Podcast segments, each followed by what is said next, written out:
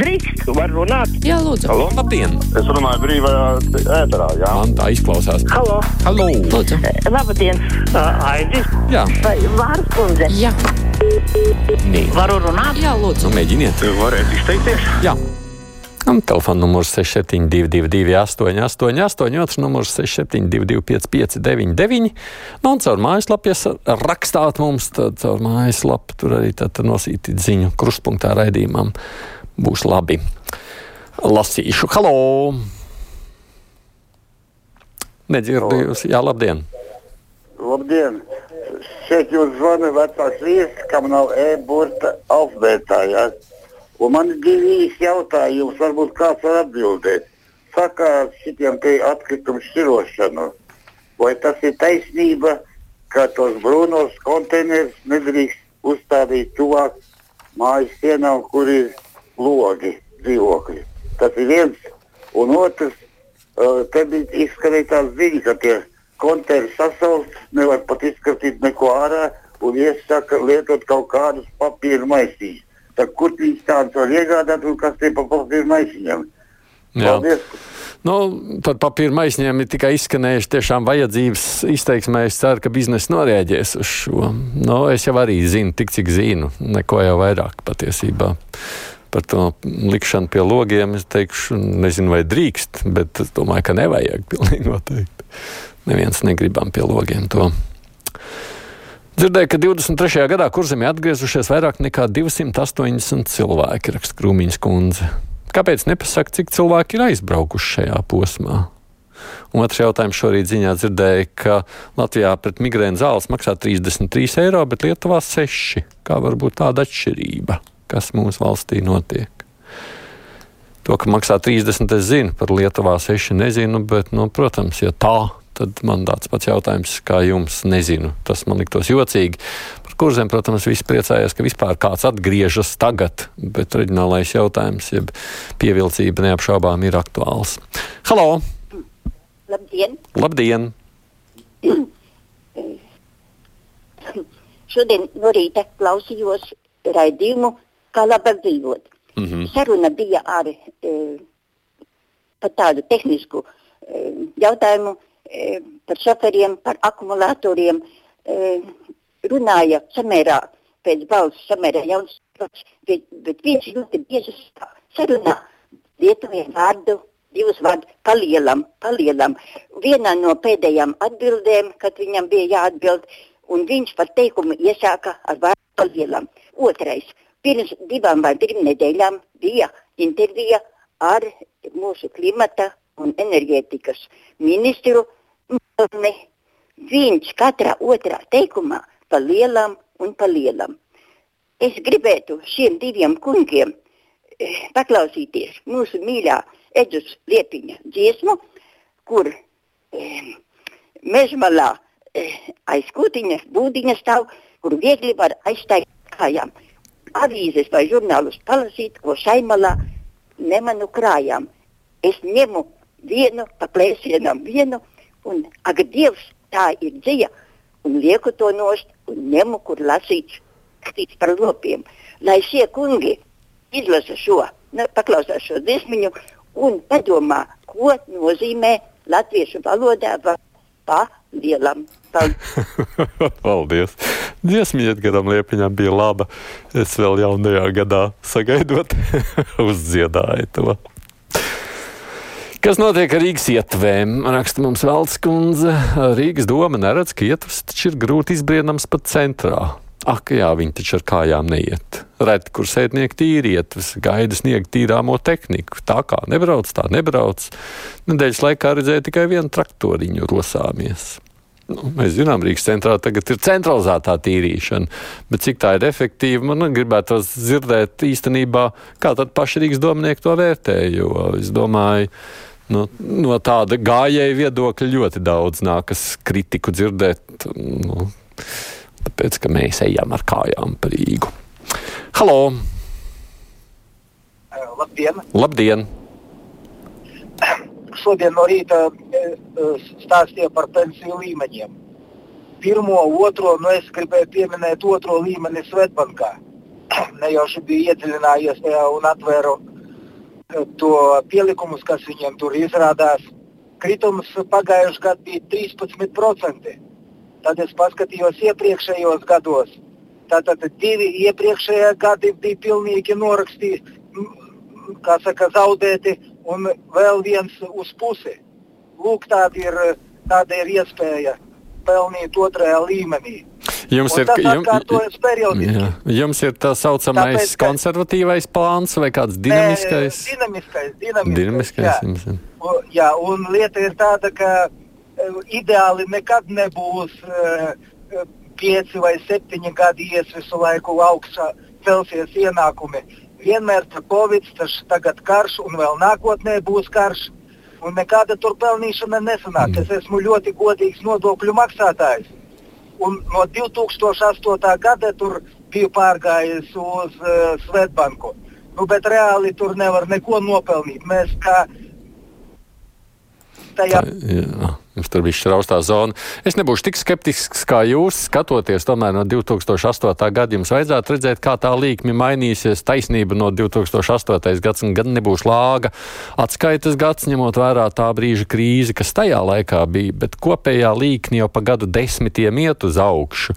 Šīs te likšanas iekšā akciju tirgos uh, jēga ir, lai nu, kompensētu vismaz inflācijas radītos zaudējumus un droši vien arī kaut ko nopelnītu. Kopumā jau situācija mainās. Es par pagājušā gada mazliet brīnos, jo pagājušajā gadā jau gan akciju tirgus atkopās pēc 22. gada, gan kas bija tiešām neapšaubām kritums līdz ar kara sākumu.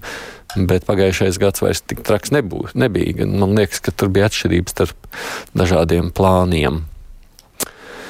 Aidi pa lielam man patīk raidījums. Rakstus klausītāja rasma. Halo! Labdien! Halo, labdien! Jā, lūdzu. Brīvais mikrofons. Mm -hmm, tāds ir jā. Es varu runāt tagad. Es ceru, jā, droši. À, es, es gribu izteikt savu subjektīvo, objektīvo viedokli. Es nes, noskatījos filmu uh, Latviešu mākslu un paskatu no Romas. Nu, likās tāda pavisam tāda uh, samākslota. Es jutos tā kā sliktā teātrī izrādē. Tā, nekāda tāda īstenības sajūta. Viss likās tāds uh, samākslots par līdzpārdzīvojumu un ar nekādu runu. Man likās tāda, atklāti sakot, pastulbā. Mm, tāds ir jūsu vērtējums. Recenzija mūs, no mūsu klausītāja par filmu. Nē, esmu šo redzējis, tāpēc nevaru teikt, bet nu, es jau pieļauju, ka arī Latvijas kino, matu, mm, kino lai atstāšu īsajā variantā, neapšaubām nav tik viegli, tāpēc ka mums tās iespējas praktizēties nav tik liels, kāds arī naudas trūkuma dēļ līdz šim bijuši. Tāpēc mēs augam, es ceru.